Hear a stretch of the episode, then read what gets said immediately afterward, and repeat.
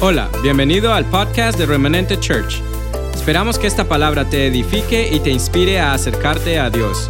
Disfruta el mensaje. Eu creio que você está preparado. Yo sé que tú estás listo para receber o que Deus ainda tem para você nesta manhã. para recibir lo que Dios todavía tiene para ti en esta mañana. Eu não sei como você chegou aqui, Yo no sé cómo tú has llegado a este lugar. não sei qual a situação, Yo no sé cuál es la situación que tú vives, mas uma coisa eu tenho certeza: pero de algo yo estoy cierto, você está no lugar certo. que tú estás en el lugar s- correcto. Amém? Amén. Diga para o seu vizinho: você está Diga. preparado? Diga a tu vecino, ¿tú estás preparado?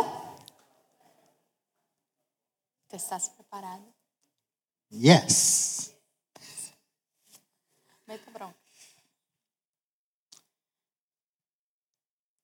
Abra a sua Bíblia Yo quiero que tú abras tu Biblia em Lucas, en, en el libro de Lucas. Lucas, capítulo 24. Lucas capítulo 24. E nós vamos ler dois versos, Y vamos a leer dos versos, 46 e 47. el verso 46 y el verso 47.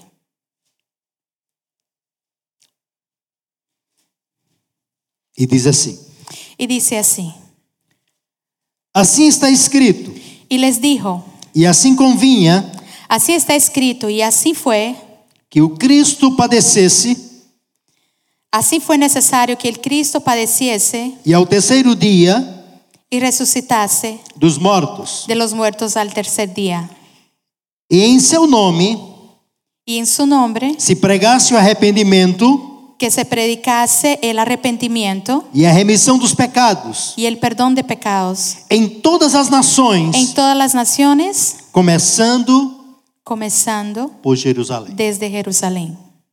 Feche seus olhos. Cierra tus ojos.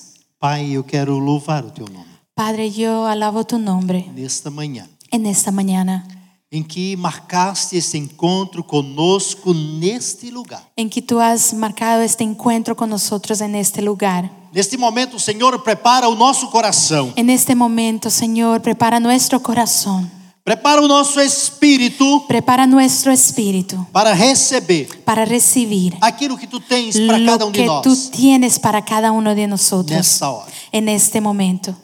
Não permita, Senhor, que o inimigo No permita, Señor, que el enemigo venha roubar, venga a robar, venha bloquear venga a bloquear a mente la e mente o coração y el corazón de cada vida de cada vida. que aqui se encontra. que está aquí.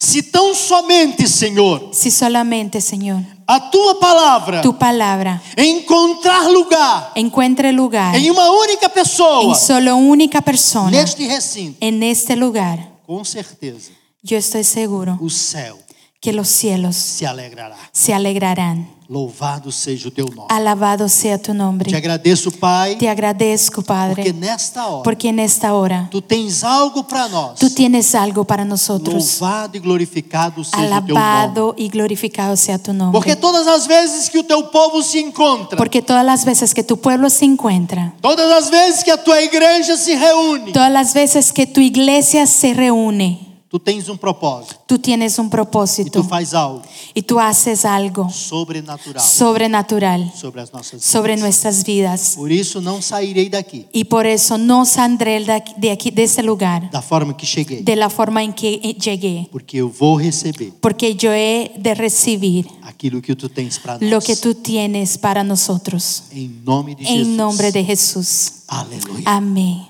Amén. Podem sentar, irmãos. Ustedes pueden tomar sus acentos. Louvado seja o nome do Senhor. Alabado sea el nombre del Señor. Queridos, a palavra que o Senhor colocou no meu coração La palabra que el Señor ha puesto en mi corazón para trazer a cada um de vós para traer a cada uno de nosotros nesta manhã en esta mañana é tão somente uma palavra es una palabra que no grego se chama metanoia. que en el griego se llama metanoia. Metanoia. Metanoia. Diga metanoia. Diga metanoia. Arrependimento. Arrepentimiento. na nossa língua é arrependimento. En nuestro lenguaje es arrepentimiento. Arrependimento. Arrepentimiento. Metanoia é você mudar. Metanoia es cambiar. Você mudar. Es cambiar. Você vai numa direção Tú vas a una dirección e você para y entonces tú te paras e dá uma volta de 180 graus y tú das una vuelta de 180 grados e começa y empiezas a trilhar a caminar uma nova caminhada. una, una nueva caminata. Isso é metanoia. Esto es metanoia. É muito parecido com metamorfose. Es muy parecido con un- una É uma metamorfosis, transformação una transformación que acontece na tua mente, que pasa, sucede en tu mente, que reflete no teu corpo que refleja en tu cuerpo e te leva a tomar novas y atitudes. te lleva a tomar nuevas actitudes. Por isso o texto nos Y mostra, por eso es- el texto nos dice assim está escrito. que así está escrito, Convinha que Cristo que conviene que Cristo que era Padecesse necesario, al tercer día. que el- que Cristo padeciese ressuscitasse dos mortos y al tercer día resucitara de e em los seu muertos nome y en su nombre se pregasse se predicara o arrependimento el e a arrepentimiento remissão dos y, pecados la re- y el perdón de los pecados em todas as en nações, todas las naciones, começando em Jerusalém. empezando en Jerusalén. Queridos, vamos voltar agora no texto, vamos a- até o contexto histórico Y yo quiero hablar un poco acerca del contexto histórico em que vivia donde vivía essa situação. esta situación. Aconteceu um silêncio de Suce- Deus, Sucedió un silencio de Dios. Deus para de falar, Dios ya no habla Deus para de usar, y Él ya no usa, ele não se comunica, Él ya no se comunica, ele cerra os céus Él cierra los cielos e os homens já não escutam mais a voz dele. y los hombres ya no escuchan su voz. Em Hebreus 1 diz: antigamente Deus En Hebreos 1 dice que en la antigüedad Dios falava aos pais pelos profetas. hablaba a los padres por los profetas, Porém, pero, em, em Macabeus, em, em Malaquias, digo, pero en Malaquías, Macabeus, Malaquias, en Malaquías está escrito está escrito que o Senhor entrega uma última palavra. que el Señor entrega una última palabra. E eu queria que você fosse lá. Y comigo. quisiera que tú fuese- eh, fueses conmigo O último texto de Malaquias. En el último texto de Malaquías,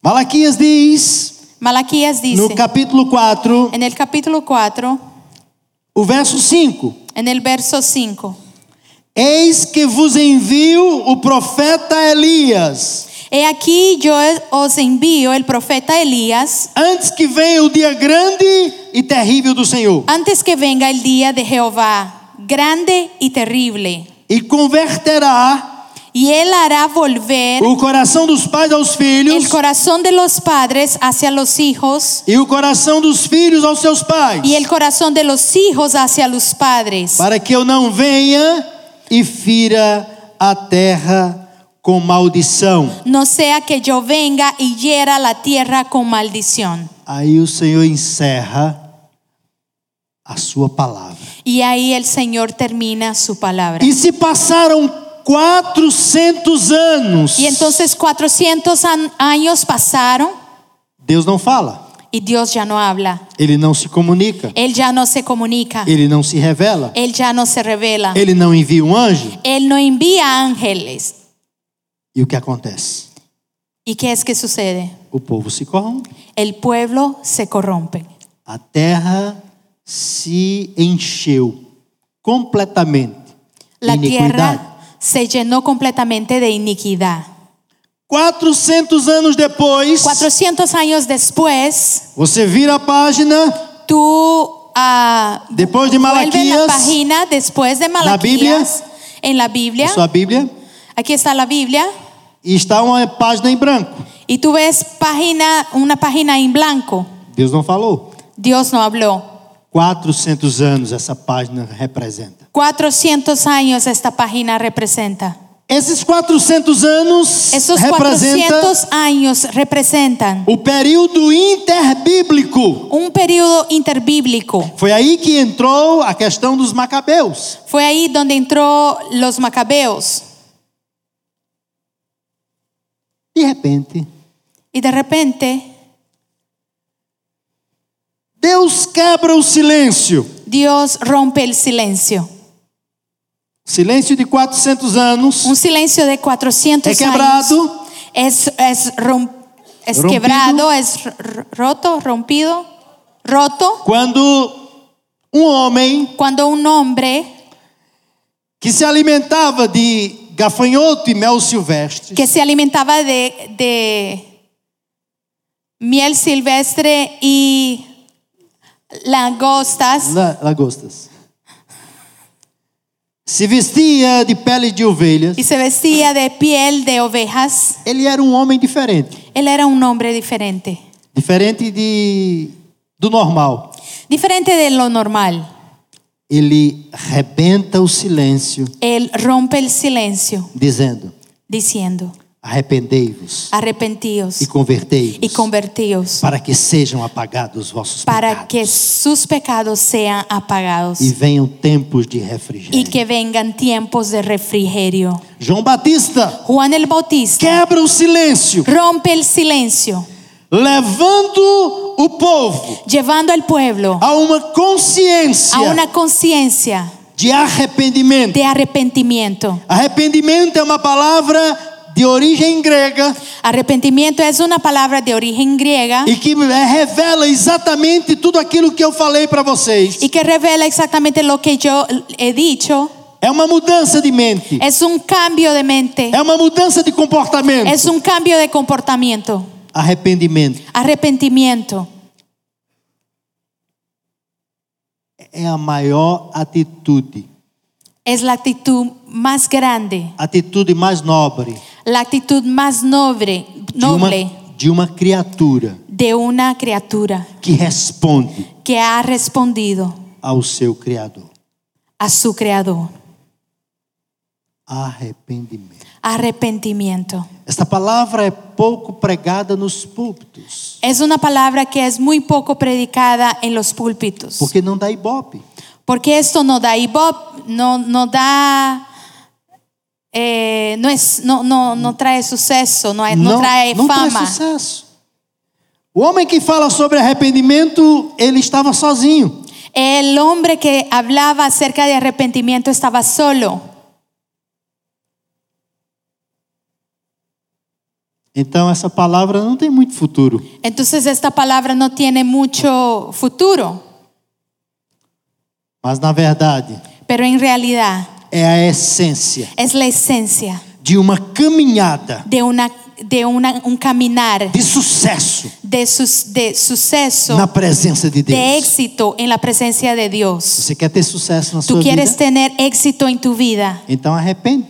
entonces arrepiéntete. Que torne uma prática na tua vida. Que esto sea una, algo, algo normal, una práctica en tu vida. Que seja um estilo de vida. Que esto sea un estilo de vida. Você se arrependa. Tú te arrepientes. O texto nos mostra em Lucas.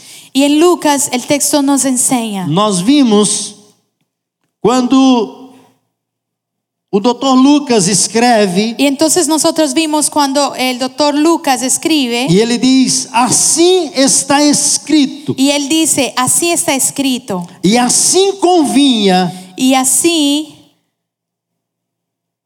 convinha que Cristo conviene que Cristo padecesse padeciera e ao terceiro y dia al tercer día ressuscitasse dos mortos. resucitara de los muertos. E em seu nome Y en su nombre se pregasse se predicara o arrependimento. el arrepentimiento e a remissão dos pecados y el perdón de los pecados em todas as nações. en todas las naciones. Logo, arrependimento Entonces arrepentimiento é a porta de entrada es la puerta de entrada para a graça salvadora para la gracia salvadora do Senhor Jesus del Cristo. Señor Jesucristo.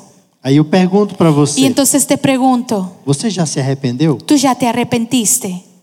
Ah, pastor, eu mudei de igreja. Ah, pastor, yo cambié de iglesia. Eu mudei de religião.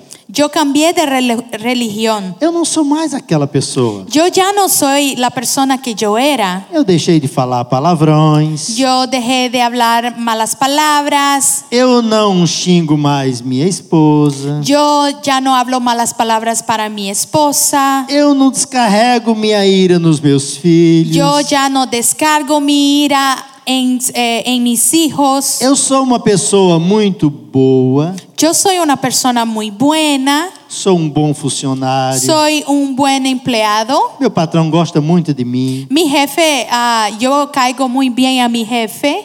minha família me ama. Mi familia me ama. Mas eu não estou perguntando Pero yo no te estoy preguntando quem você é. quién tú eres. Eu estou perguntando Yo estoy preguntando se você já se arrependeu. si tú ya te arrepentiste. Arrependimento Arrepentimiento produz em nós produce en nosotros uma dor profunda un dolor profundo no nosso espírito, en nuestro na espíritu, nossa alma, nuestra alma, que reflete no nosso y corpo refleja en nuestro e cuerpo nos traz mudança y nos trae cambios, total. cambios completos. Você já se arrependeu? Tú ya te arrepentiste.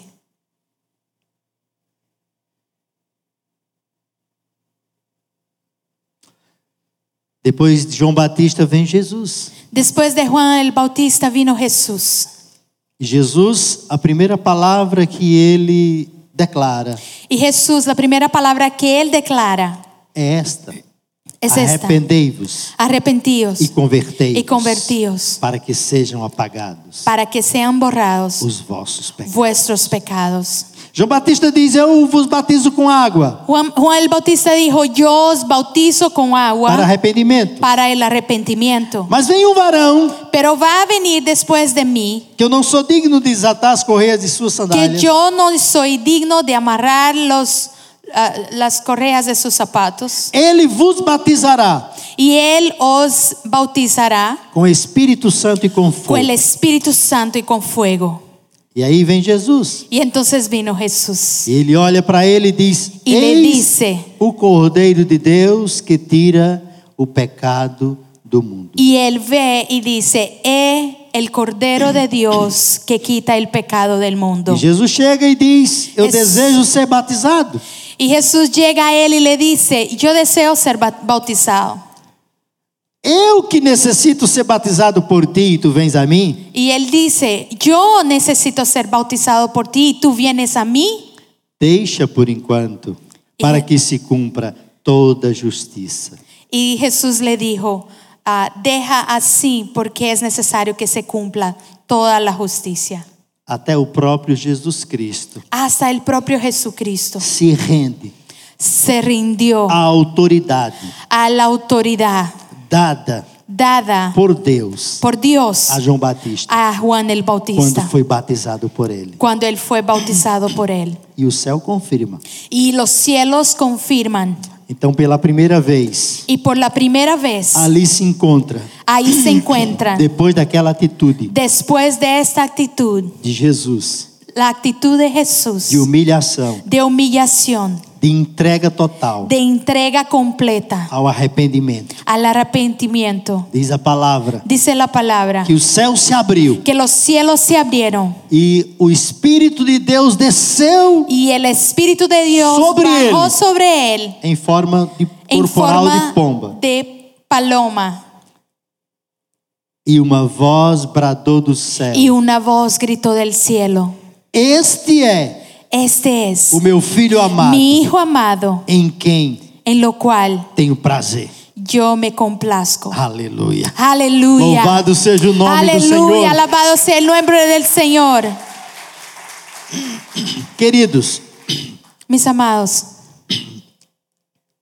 em Lucas, en Lucas, capítulo 15, en capítulo 15, tem uma, uma frase muito interessante. hay un texto, una frase muy interesante. Quando acontece Cuando sucede a parábola do filho pródigo. la parábola del hijo Não pródigo. sei se você conhece esse texto. Yo no sé si tú conoces este texto. Lucas 15, do verso 11 até o 32. Lucas capítulo 15 del verso 11 al 32.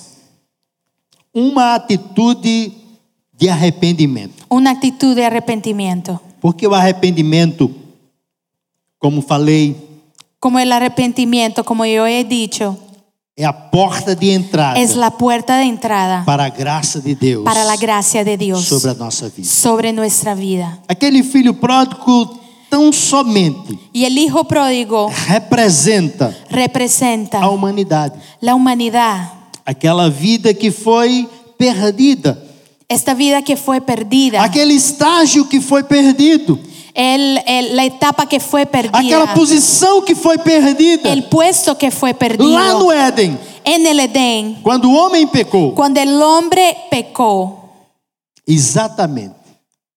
Jesus Cristo veio Jesucristo vino para desfazer para deshacer as obras do diabo. las obras del diablo. Jesus Cristo veio Jesucristo vino para nos dar vida para darnos vida e vida em y abundância. vida en abundancia. Jesus Cristo veio Jesucristo vino para resgatar ao para homem rescatar al a hombre situação que ele perdeu al- del- des- desde la situación que él lá ha perdido no Éden.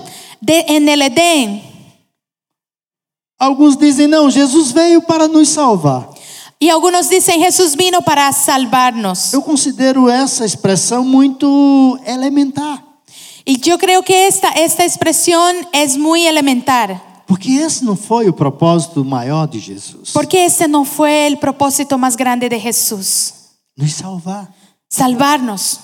Ele veio nos trazer de volta Él vino a llevarnos de regreso a condição que nós tínhamos. a la condición que nosotros que teníamos, perdemos no Éden. que nosotros perdimos en el Edén. Nós éramos filhos de Deus Nosotros éramos hijos de Dios e passamos a ser criaturas de Deus. y pasamos a ser criaturas de E Dios. agora em Jesus todos nós voltamos a ser Y ahora en Nuevamente. Jesús nosotros volvemos a ser nuevamente filhos de Deus. hijos de Dios, A saber, a saber, os que creem no seu nome, los que creen en su nombre, os quais não nasceram da carne, los cuales no han nacido de la carne, nem da vontade do homem, ni de la voluntad del hombre, mas de Deus. mas de Dios. Então Jesus Cristo veio Entonces Jesucristo vino para nos trazer de volta para traernos de regreso a condição a la condición de filhos de Deus. de hijos de Dios. Aleluya. Aleluya. Tu queres um privilégio maior que ese? Tú quieres un privilegio más grande que es este, De ser chamado filho de Deus? de ser llamado hijo de Dios. Mas para chegar a filho de Deus, Pero para llegarnos a ser hijos de Dios é necessário que haja es arrependimento. necesario que haya arrepentimiento. Lembra do jovem? ¿Te acuerdas del ¿Tu joven texto? en el texto del hijo pródigo? E ele diz: Y él dice, Quantos trabalhadores do meu pai ¿cuántos trabajadores de mi padre têm pão em abundância tiene pan en abunda- abundancia? e eu aqui Y yo estoy aquí padeço de fome? y estoy padeciendo de hambre. Levantar-me-ei Yo me voy a levantar e irei ter com meu pai y voy a ir donde mi padre e lhe direi: y le diré, Pai, Padre, pequei contra o céu e diante de ti. he pecado cont- en- contra el cielo y delante de ti. Já não sou digno de ser chamado teu filho. Yo ya no soy digno de ser llamado tu hijo. Trata-me como um dos teus trabalhadores. Trátame como uno de tus trabajadores. E o que acontece? ¿Y qué es que sucede? Ele Él vino se levanta y se levanta.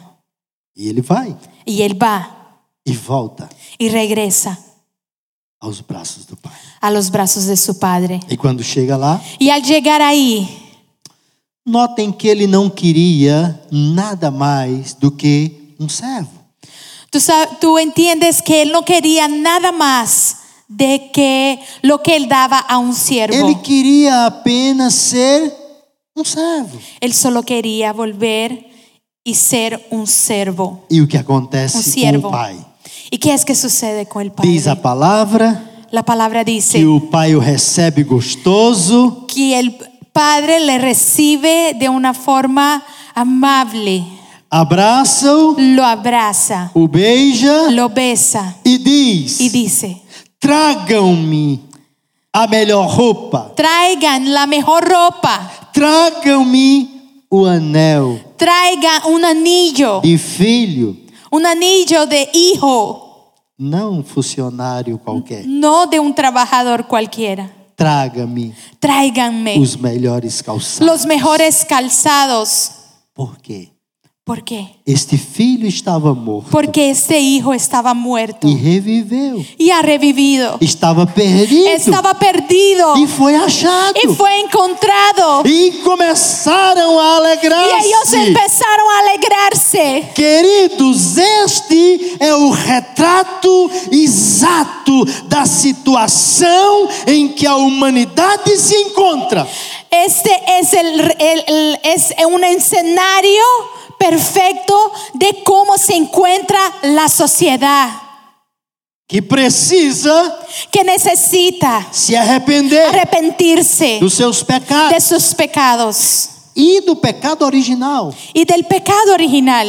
Porque quando você encontra na Bíblia pecado, Porque cuando tú encuentras en la Biblia pecado no singular, en el singular, você não cometeu.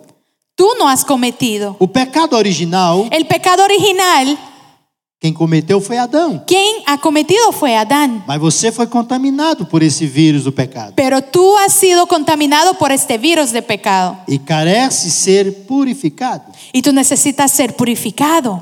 E o único que pode purificar este vírus no homem chamado pecado, Y el único que puede ah, purificar, purificar el hombre de este virus llamado pecado chama-se Jesus, llámase Jesús, o Cordeiro Pascual, el Cordero Pascal que tira que quita o pecado do mundo. el pecado del mundo. Jesus Cristo. Jesucristo. Aleluia. Aleluya. Então Jesus veio Entonces Jesús vino com esse propósito, con este nos propósito, trazer de volta traernos de a Ah, regreso condição a la condición de filhos amados de hijos amados do Pai. del Padre. Logo você e eu Entonces tú y yo necessitamos conhecer necesitamos conocer o princípio el principio do del arrependimento. arrepentimiento, Porque arrependimento porque el arrepentimiento não é uma regra. no es una regla, Regra qualquer um pode fazer. porque una regla cualquier uno puede hacer, puede, puede cumplir, E pode ser mudada. y esto puede ser cambiado. Mas regra é um princípio de Deus. Pero la regla es un principio de Dios. E esse princípio de Deus Y este principio de Dios precisa estar necesita estar no nosso dia a dia, en nuestro diario vivir, no nosso comportamento en nuestro comportamiento total. completo. Porque ¿Por qué? nós somos Nosotros somos feituras hechos, de Deus, hechos, criados em Somos- Cristo Jesus fuimos creados por Cristo Jesús para as boas obras, para las buenas obras. como diz Efésios capítulo 2 Como dice Efesios capítulo 2 e verso 8. y verso 8. Pela graça sois salvos, Por la gracia has sido salvos por meio da fé. por medio de la fe. Isso não vem de vós. Y eso no viene de vosotros. É um dom de Deus, Es un don de Dios. não por obras, No por obras. para que ninguém se Para glorie, que nadie se gloríe. pois somos feituras de Deus, Pues somos hechuras de Dios. criados em Cristo Jesus Creados en Cristo Jesús. para Oh, as boas obras. Para las buenas obras. Louvado seja o nome Alabado do Senhor. sea nuestro Dios. Por isso que nós Y por eso nosotros precisamos necesitamos entender entender este princípio este de principio arrependimento. de arrepentimiento. Logo, é Entonces, interessante, es interesante. a caminhada cristã, La caminata cristiana. ela envolve não somente vertical, Esto involucra no solamente, no solamente algo vertical, mas é também horizontal. pero también es horizontal. Lembra da cruz? ¿Te acuerdas de la A cruz? cruz representa isso. La cruz representa esto. O sacrifício de Jesus representa isso. El sacrificio de Jesús representa esto. Que Jesus veio ligar o homem com Deus, Que religar o homem com Deus. Jesús vino a conectar el hombre nuevamente con Dios. Mas para que o homem esteja totalmente religado com Deus, Pero para que el hombre también esté completamente conectado con Dios, ele precisa também estar conectado com os él homens, necesita estar conectado con los hombres, com o próximo, con el prójimo, com quem está ao seu lado, con quien está a par tuya, com quem vive com você. con quien vive contigo. Então, o verdadeiro significado da ressurreição de Jesus Cristo Entonces, el significado de la resurrección de Jesucristo é nos trazer a consciência es traernos a la conciencia de que nós precisamos é de que nosotros necesitamos amar a Deus sobre todas as coisas amar a Dios sobre todas las cosas e ao próximo como y a nuestro prójimo como a ti mesmo. como a ti mismo. E muitas vezes nós nos arrependemos Y nosotros muchas veces nos arrepentimos das coisas espirituais, de cosas espirituales, do- dos pecados que nós cometemos, de pecados que cometemos, mas não nos arrependemos pero no nos arrepentimos quando cometemos algum pecado cuando cometemos pecado contra o nosso companheiro, a en nossa companheira. contra nuestros, nuestro compañero o nuestra compañera. E é muito difícil, né? Y es muy difícil, ¿verdad? Se arrepender, Arrepentirse. principalmente para os homens. Especialmente para los hombres. Os homens não gostam de se arrepender. Los hombres no les gusta arrepentirse. Acha que arrependimento é algo de mulher, Creemos que el rap- el arrepentimiento es algo para las mujeres, mas não. pero no. Arrependimento Arrepentimiento é algo es algo para, Eh, para todo filho de Deus. todo el hijo de Dios. Você precisa se arrepender. Tú necesitas arrepentirse todo el tiempo, Todos os dias. todos los días. Nós pecamos Nosotros pecamos por, por pensamentos, pensamientos, palavras, palabras, ações acciones e omissão. y omisiones.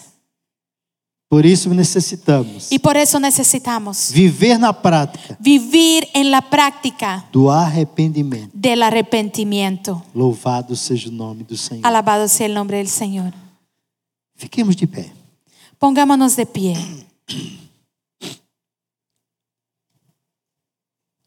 Em 2 Coríntios, En 2 de Corintios, capítulo 10, capítulo 10. e versos 2 Coríntios 7 Perdón, e verso 10. segunda de Corintios, capítulo 7, Y verso verso 10. 10. Tem um texto que me chama muito a atenção. Hay un texto que me llama mucho la atención, O arrependimento nos traz uma tristeza, que el arrepentimiento nos trae una tristeza, uma tristeza segundo Deus, pero una tristeza que es según Dios, porque a tristeza segundo Deus porque la tristeza que es según Dios opera produce arrependimento arrepentimiento para para a la salvação, salvación, da qual de que ninguém se arrepende. no hay que arrepentirse, Mas a tristeza pero la tristeza do mundo Tá. del mundo opera produce a morte. muerte. A tristeza segundo Deus La tristeza según Dios traz arrependimento. trae re- arrepentimiento. A tristeza do mundo La tristeza del mundo traz morte. trae muerte.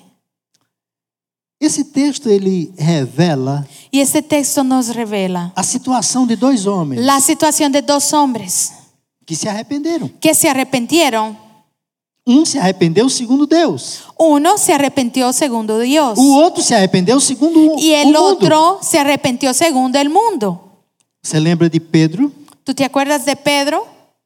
Pedro nega Jesus por três vezes. Pedro negó a Jesús por tres veces. Judas Judas negou Jesus e o traiu por uma única vez. negó a Jesús y lo traicionó por una sola vez.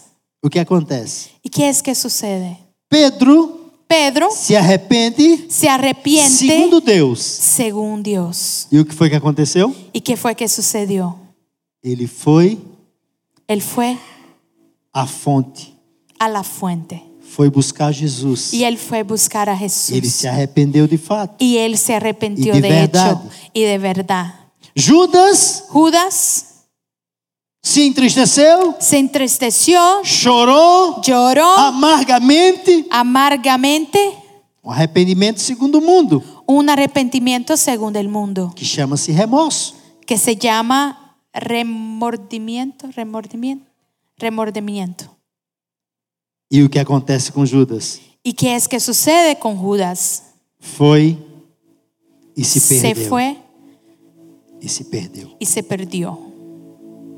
Aqui está, nesse texto, Aquí está en este texto a situação la situación de dois homens, de dos hombres, duas histórias dos historias diferentes, diferentes que poderiam concluir-se que podrían terminar da mesma forma, de la misma forma, no mesmo estágio. en el mismo, esta- en el mismo estado. Mas Deus coloca no homem Pero Dios pone dentro del hombre o direito de escolha. el derecho de escoger. Você pode escolher. Tú puedes escoger. Quer o certo Tú quieres el correcto ou queres o errado? o tú quieres el equivocado. Eis a escolha. Ahí está la, la A escolha é opción. tua.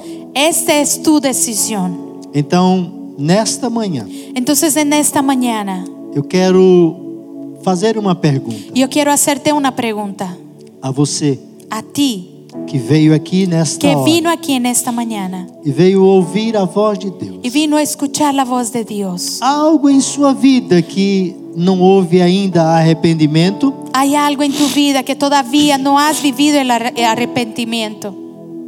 Não houve mudança? No hubo cambio. Você não consegue vencer? Tú no logras vencer. Se você não consegue vencer, Si tú no logras vencer, é porque você não se arrependeu ainda. es porque todavía no has arrepentido.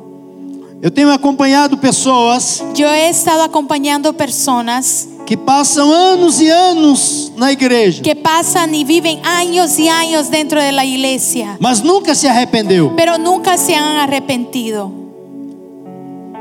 E para quem não se arrepende, Y para quien no se arrepiente, não há perdão. no hay perdón, O perdão só há porque el perdón solo llega para aquele que se arrepende. para aquel que se arrepiente. Lembra-se do jovem?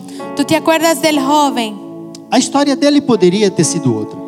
La historia de él podría ser otra. Ele poderia ter se perdido no tempo e no espaço. Él podría haberse perdido en el tiempo y en el espacio. Ele poderia ter morrido lá na sua caminhada, na sua Él jornada. podía se haber ah, muerto en su caminata allá donde él se encontraba. Mas Deus sempre nos dá uma oportunidade. Pero Dios siempre nos da la oportunidad. Ninguém vai chegar diante de Deus sem ter tido uma oportunidade Nadie llegará delante de Dios sin haber tenido la de oportunidad arrependimento. de arrepentirse Na presença do Pai, en la presencia del ninguém Padre. chegará desculpável, Nadie llegará excusándose, porque tudo que o homem faz, porque todo lo que el hombre hace, tudo que o homem realiza, todo lo que el hombre ejecuta, tudo que o homem fala, todo lo que el hombre habla, está registrado está na registrado presença do Pai. en la presencia del Padre. E haveremos de prestar conta diante dele de E nós outros- tudo aquilo que nós fizermos aqui na terra. Y nosotros tendremos que darle cuentas a Dios de todo lo que hemos hecho aquí en esta tierra.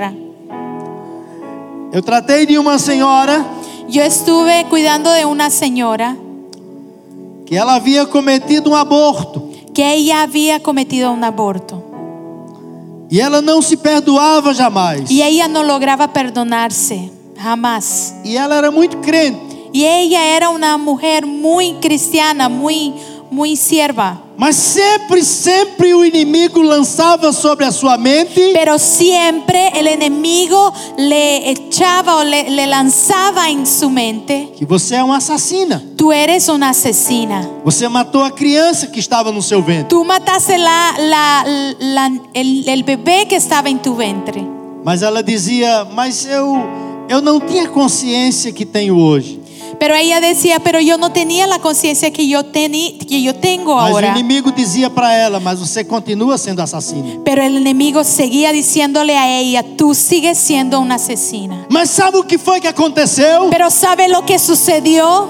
O Espírito Santo de Deus me falou El Espíritu Santo de Dios me dijo que você hoje será liberta. que tú ahora serás liberta, De esa su liberada condición. de esta tu posición. Sabe por quê? ¿Tú sabes por qué? Porque um dia que você entregou sua vida para Jesus, Porque en el día que tú has entregado tu vida a Jesús, você se arrependeu dos seus pecados. tú te arrepentiste de tus pecados. Você se arrependeu do pecado original de Adão. Tú te arrepentiste del pecado original de E Adán. o sangue de Jesus Cristo é Y poderoso la sangre de Jesucristo es poderosa para lhe purificar para purificarte de todo pecado. de todo el pecado. Então não importa Entonces no importa se foi pecadinho si fue pecadito ou se foi pecadão, o si fue un você foi pecadote. perdoado. Tú fuiste O perdonado. sangue de Jesus Cristo, La sangre de ele não é Jesucristo. sangue de galinha que Él cobre, no es sangre de pollo.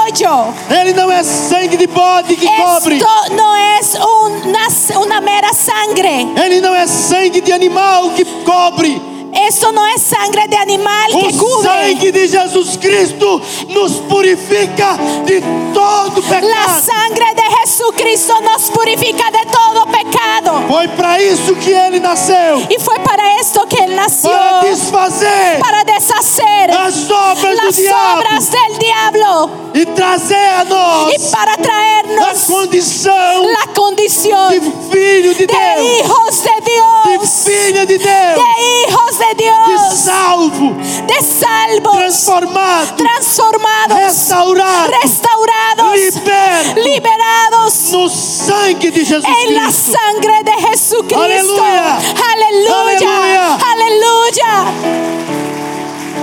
O arrependimento nos traz, querido, El arrepentimiento nos hace, um estágio nos trae a una posición de consciência de conciencia limpa limpia e purificada. y purificada. Porque Jesus Cristo, Porque É Jesucristo poderoso. es poderoso. porque Jesus Cristo Porque é o Jesucristo próprio Deus, es el propio Dios Encarnó. que se ha encarnado, se fez homem que se hizo hombre e veio y vino aqui, aquí, viveu vivió como você, como tú, como você, como tú, como você, como tú, como você, como tú, como você, como tú, como você, como tú, como cada um de nós, ele como viveu, cada uno de nosotros él ha vivido, sofreu, sufrió, padeceu, padeció viveu y vivió para a glória do Pai. para la gloria del Padre. E você lembra o que ele diz no capítulo 17 de João? Tú sabes lo que él dijo en el capítulo 17 de Juan, Após de haver concluído toda a obra, después que, ha termin- que él terminó toda su obra. ele disse: Pai, Él dijo, Padre, me dá de volta dame de regreso o direito que eu tenho el derecho que yo tengo aí, ahí, porque eu abri mão, porque yo eché eu mano, abri mão, yo eché mano, eu abri mão yo eché mano de tudo, de todo, de toda a minha glória, de toda mi eu gloria, abri mão yo eché de mano todo o meu poder, de todo mi poder, eu me fiz homem yo me hice hombre aqui. aquí, La tierra. en la tierra, Então, dá-me de volta y entonces dame de regreso. a minha condição, mi condición, que eu estou voltando para aí. que yo estoy regresando para ti. E ele voltou, Y él regresó, ele regressou, él regresó, porque ao terceiro dia porque al tercer a día cova não foi capaz, la, la Un tumba pueblo no no fue fue capaz, capaz. el- el- la muerte no La fue muerte no fue capaz, capaz. la muerte no fue o diabo não capaz. foi capaz. O pecado que ele levou sobre si El pecado que él No llevó fue capaz sobre él no de fue capaz detenerlo en un de túmulo. detenerlo en el túmulo, que ele ressuscitou porque él resucitó para a glória para de la Deus gloria de Pai. Dios Aleluia. Padre. Logo, arrependimento Entonces el arrepentimiento é algo que está es algo no coração do Pai. que está en el corazón del Padre. E se hoje Y si ahora você quiser Tú quieres. se libertar Si tú quieres ser de liberado todo sentimento de todo mal, sentimiento malo, de pecado, de pecado, arrepende-te, arrepiéntete, confessa confiésalo e deixa y déjalo. e encontrarás Y tú encontrarás o perdão, el perdón. porque o perdão Porque el perdón não está disponível no está a disposición a quem tem muito dinheiro. a quien tiene mucho dinero. O perdão não está El, disponível po- el perdón no está disponible a quem faz o bem, a quien hace el bien. porque o inferno está assim de gente boa. Porque el infierno está así, lleno de gente buena. Você lembra daquele jovem rico ¿Tú te acuerdas del joven rico que morreu e foi para o inferno? que murió y fue para el infierno? Ali é o retrato de homens bons. Ahí está la figura de hombres buenos. Aquele jovem, Este ele- joven, sabe foi que ele disse lá no inferno? ¿sabe que él dijo allá en el infierno? Pai Abraão, Padre Abraham, tem misericórdia ten misericordia de cinco irmãos que eu tenho lá na de terra cinco hermanos que yo tengo allá en la tierra. e manda que alguém vá avisar os meus cinco irmãos. Y manda que alguien vaya y les avise a mis hermanos.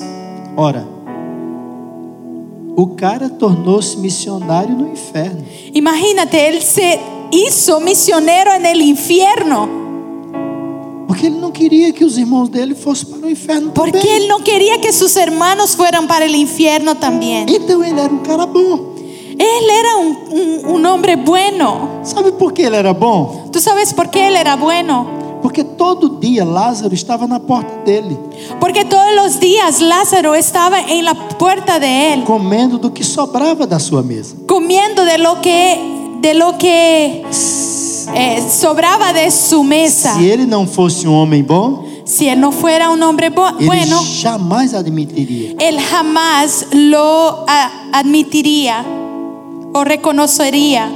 Então, Entonces, o céu é para quem se arrepende. lo- en los cielos O es céu para quien é se para quem arrepiente. reconhece. Los cielos es para o céu quien é para reconoce. quem pode, na verdade, reconhecer a sua miserabilidade, o Los seu cielos pecado. es para quien puede reconocer su miserabilidad, su pecado E se arrepende y se arrepiente e pede perdão. y pide perdón.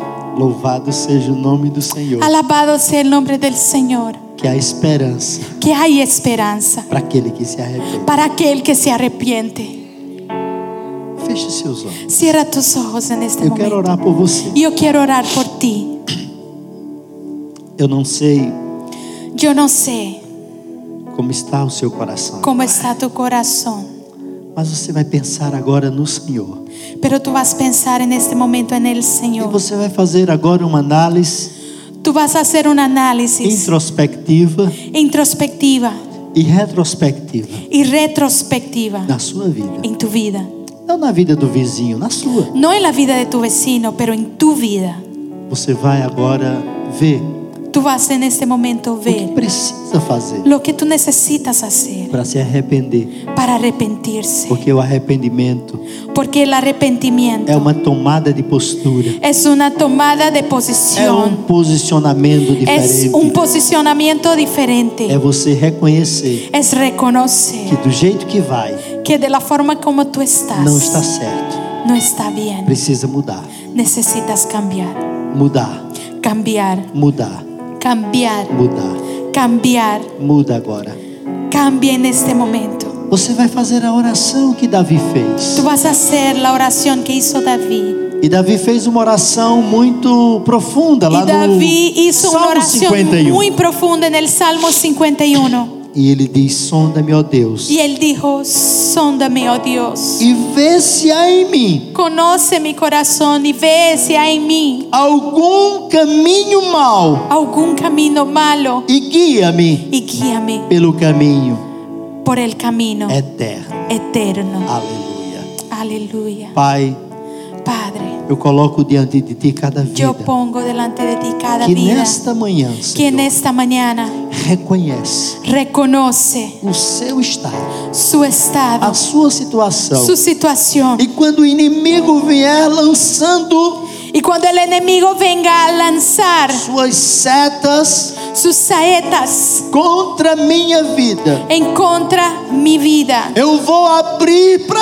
ele yo voy a abrir para él a palavra do Senhor la que palabra diz del Señor que dice que o sangue de Jesus Cristo que la sangre de Jesucristo é poderoso es poderosa para me purificar para purificarme de todos os de pecados. todo pecado.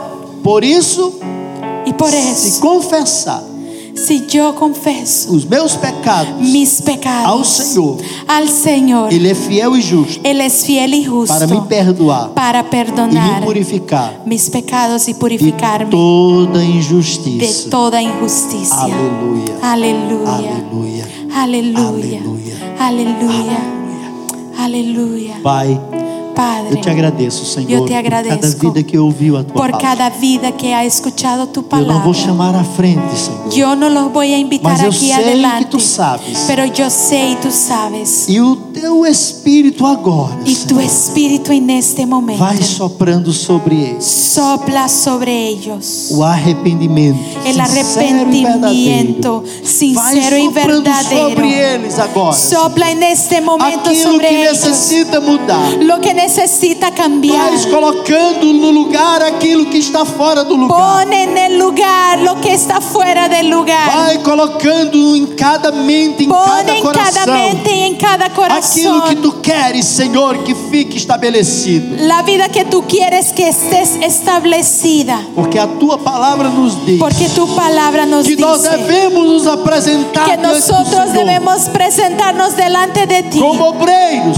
como obreros. que não tem de que se como envergonhar trabajadores que no, que no tiene de qué e que avergonzarse maneja bem y que maneja a bien palavra da la verdade. palabra de la verdad. Em nome de Jesus. En nombre de En nombre de Jesús. Jesús. En nombre de Jesús. En nombre de Jesús. En nombre de Jesús. Aleluya. Aleluya. Diga eu, Diga yo. diga eu, Diga yo. diga eu, Yo. diga eu. Yo Fui fui perdoado perdonado no sangue de Jesus. por la sangre de Jesús. Fui purificado. Yo he, yo he sido purificado. E eu sou Y yo soy. o que a Bíblia diz que eu lo que la sou. Biblia dice que yo E soy. eu tenho Yo tengo o que a Bíblia diz lo que que eu la tenho. Biblia dice que yo tengo. Eu tenho vida. Yo tengo vida. Eu tenho vida em Yo abundância. tengo vida en abundancia. Aleluia. Aleluya. Deus nos abençoe. Que el Señor los A paz bendiga. do Senhor. Aleluya. Esperamos que este mensaje haya sido de bendición. No te olvides de suscribirte a nuestro podcast y seguirnos en Facebook e Instagram arroba Remanente Church.